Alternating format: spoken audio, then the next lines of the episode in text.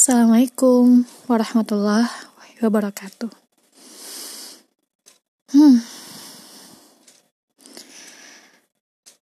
Mungkin gak semua orang punya atau mengalami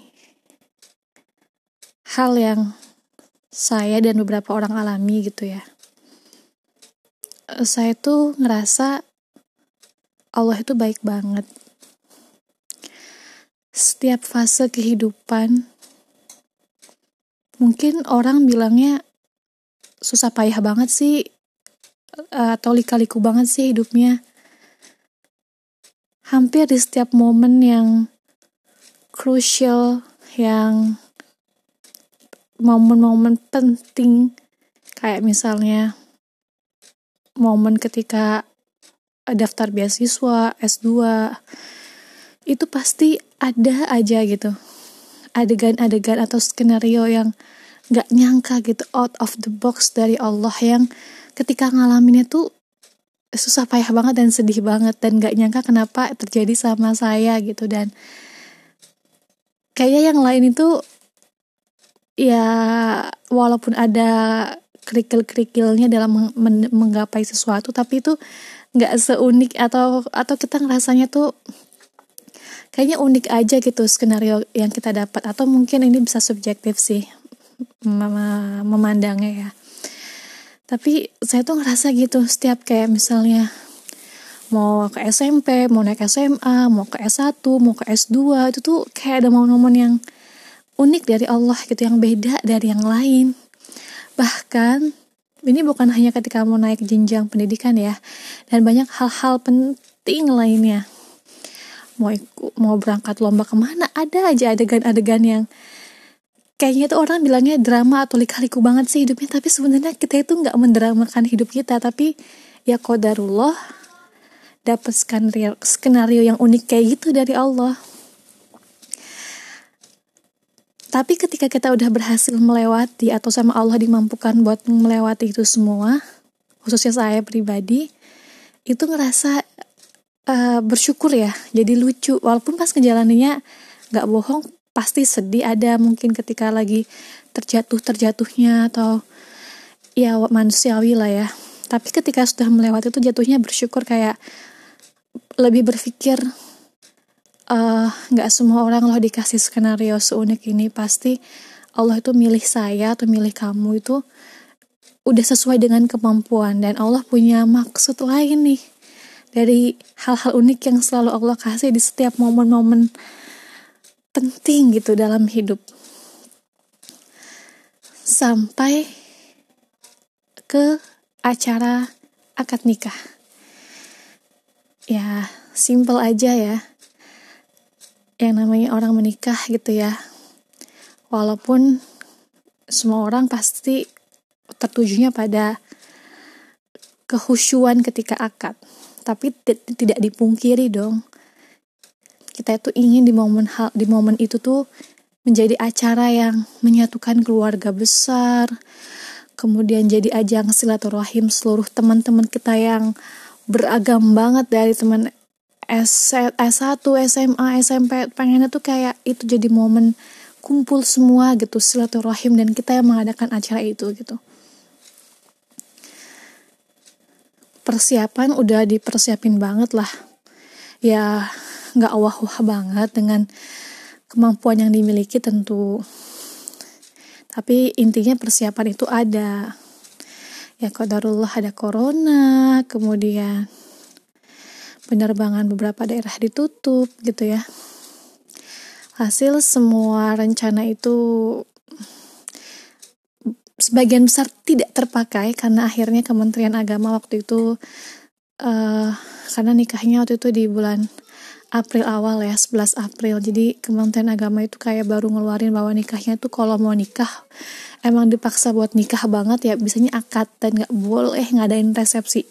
Nggak boleh tahun 2020 itu ya masih jumlah penderita coronanya belum sebanyak sekarang tahun 2021 tapi di situ tuh masa-masa ketakutan paling tinggi sih di Indonesia ya waktu itu. Kemudian Kementerian Agama ngasih peraturan akad nikahnya di KUA dan sebagainya gitu. Cuma dihadiri 10 orang termasuk sudah pengantin laki-laki dan wanitanya gitu. Penerbangan kodarullah penerbangan di daerah uh, mertua itu ditutup. Jadi sederhana banget. Souvenir yang udah datang, undangan yang udah tercetak, baju seragam yang udah dibagiin ke semua panitia yang akan bertugas, semuanya tidak terpakai.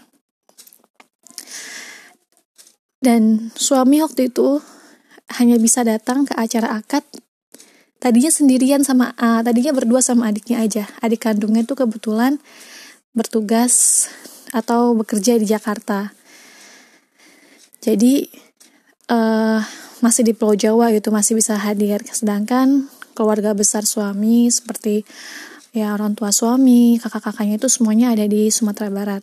Dan penerbangan ditutup saat itu dan tidak memungkinkan untuk akhirnya uh, ke Tangerang ke ke rumah gitu ya ke rumah ke acara akad.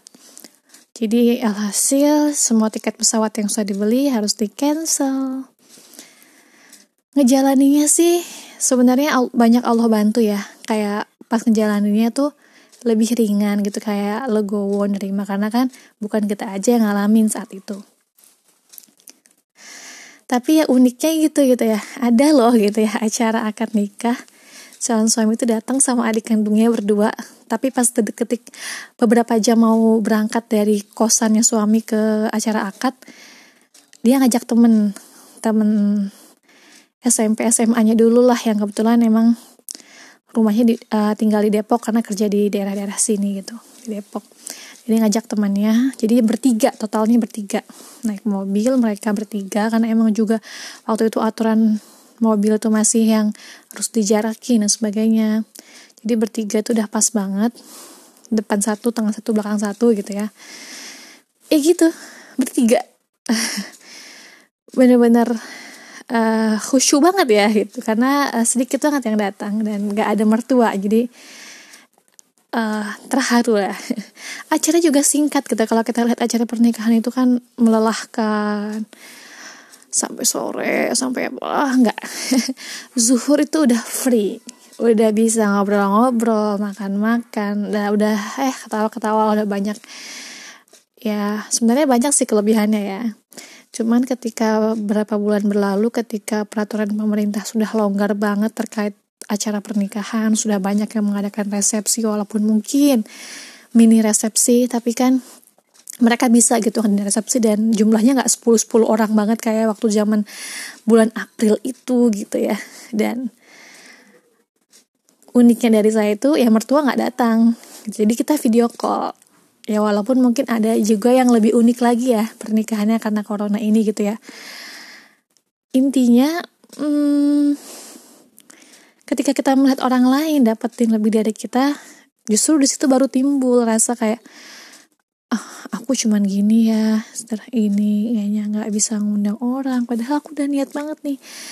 Tapi yakinlah gitu apa yang Allah pilihkan untuk kita itu pasti lebih baik dari apa yang kita planning. Nih ya, mungkin kadang saya ngomong sendiri ke diri gitu. Kalau memang acara resepsi itu terjadi, mungkin Allah takut hati kamu tuh sombong.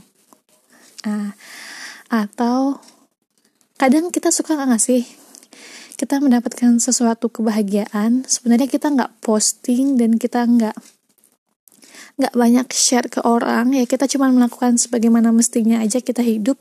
Tapi orang tuh ada aja yang nggak suka sama kita. Padahal kita ya sendiri anteng-anteng aja gitu nggak yang share ke mana-mana nih saya lagi happy. Enggak juga tapi ada gitu. Namanya penyakit hati orang lain yang kita sendiri nggak bisa kontrol. Kadang kita biasa aja kadang bahkan mereka mereka tahu info kebahagiaan itu karena mereka nyari tahu sendiri bukan kita yang sharing tapi nah itu mungkin Allah mau jaga gitu mau jaga hal itu mau membuat kita lebih tawadura tawadu. Jadi banyak hal-hal positif. Allah pengen ngajarin ilmu ikhlas. Ikhlas itu harusnya murni ya. Ikhlas itu ibarat susu. Susu sapi itu. Jadi organ di sapi itu yang menghasilkan susu itu sebenarnya organnya dekat sekali dengan aliran darah di sapi itu. Tapi pada kenyataannya ketika susu sapi itu diperas keluar ya nggak ada campuran darah kan benar-benar murni susu. Nah ikhlas itu pun juga harus seperti itu. Ketika kita rencana sesuatu kita pengen hmm, emang ada hajat untuk buat hal acara ini lillahi ta'ala karena Allah. Tapi kalau Allah nggak ACC ya kita harus ikhlas gitu. Dan memang setiap orang tentu responnya beda-beda cara menerimanya juga beda-beda. Nah saya pun kayak gitu gitu. Masih ya kadang balik lagi berpikir tapi balik sadar lagi. It's okay yang penting kita selalu minta sama yang di atas untuk selalu bisa merasakan hikmah dari setiap kejadian yang Allah berikan. Jadi akhirnya kita bisa timbul rasa syukur dan akhirnya kita bisa minta ampun kalau emang kemarin-kemarin kita ngerasa kayak kurang bersyukur atau bahasa orang Jawanya apa ya? Ngerusulo. Apa ya? Yang ngedumel. Kenapa sih nggak jadi? Kok dia jadi sih? Rezeki orang beda-beda. Dan Allah mau ngasih ilmu ke setiap orang beda-beda. Tantangannya beda-beda. Gitu. Dan juga belum lagi uh, banyak ya hal penting dalam kehidupan tuh yang kadang unik gitu Allah ngasih. Kita kayaknya ya nanti banyak lah ya di segmen lain mungkin ketika mau apply beasiswa S2 ada aja. Tapi kalau teman-teman semua ada yang ngerasain kayak gini kita tuh harus bersyukur banyak-banyak bersyukur. Karena jangan lihat orang lain dapetinnya mudah terus kita kayaknya beli kaliku banget. Tapi kita coba harus ambil hikmahnya. Mungkin uh, saya kurang punya sifat ikhlas, punya kurang atau mungkin uh, Allah itu pengen ngasih hikmah nih ke saya, ngasih hidayah nih ke keluarga saya lewat peristiwa ini. Terus banyakin berpikir positif ya walaupun itu nggak mudah, I know itu nggak mudah dan gak secepat itu. Tapi kita harus yak ya kita yakin dulu agar apa yang kita yakinkan itu kalau yang kita yakinkan itu ada hal yang baik ya akan ter, akan terjadi gitu dan malah jatuhnya tuh kayak bersyukur dan kayak ngerasa spesial kayak ngerasa spesial kayak hidup kita lebih berwarna you know lebih lebih lebih banyak yang bisa kita ceritain ke orang lain. Artinya ceritain tuh artinya kalau orang butuh saran dari kita kita bisa ambil uh, beberapa puzzle penting dalam hidup kita yang udah kita lalui dan bisa jadi solusi saran buat teman kita yang lagi mungkin minta nasihat atau apa pun itu. Itu sih.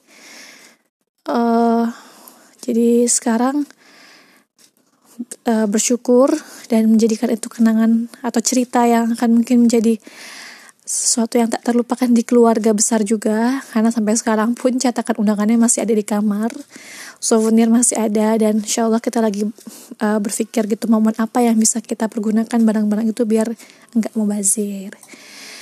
Jadi mungkin cukup sekian mudah-mudahan bisa menambah semangat buat kita menambah rasa syukur kita yakinlah kita itu spesial. Setiap hamba Allah itu punya kespesialannya masing-masing. Assalamualaikum warahmatullahi wabarakatuh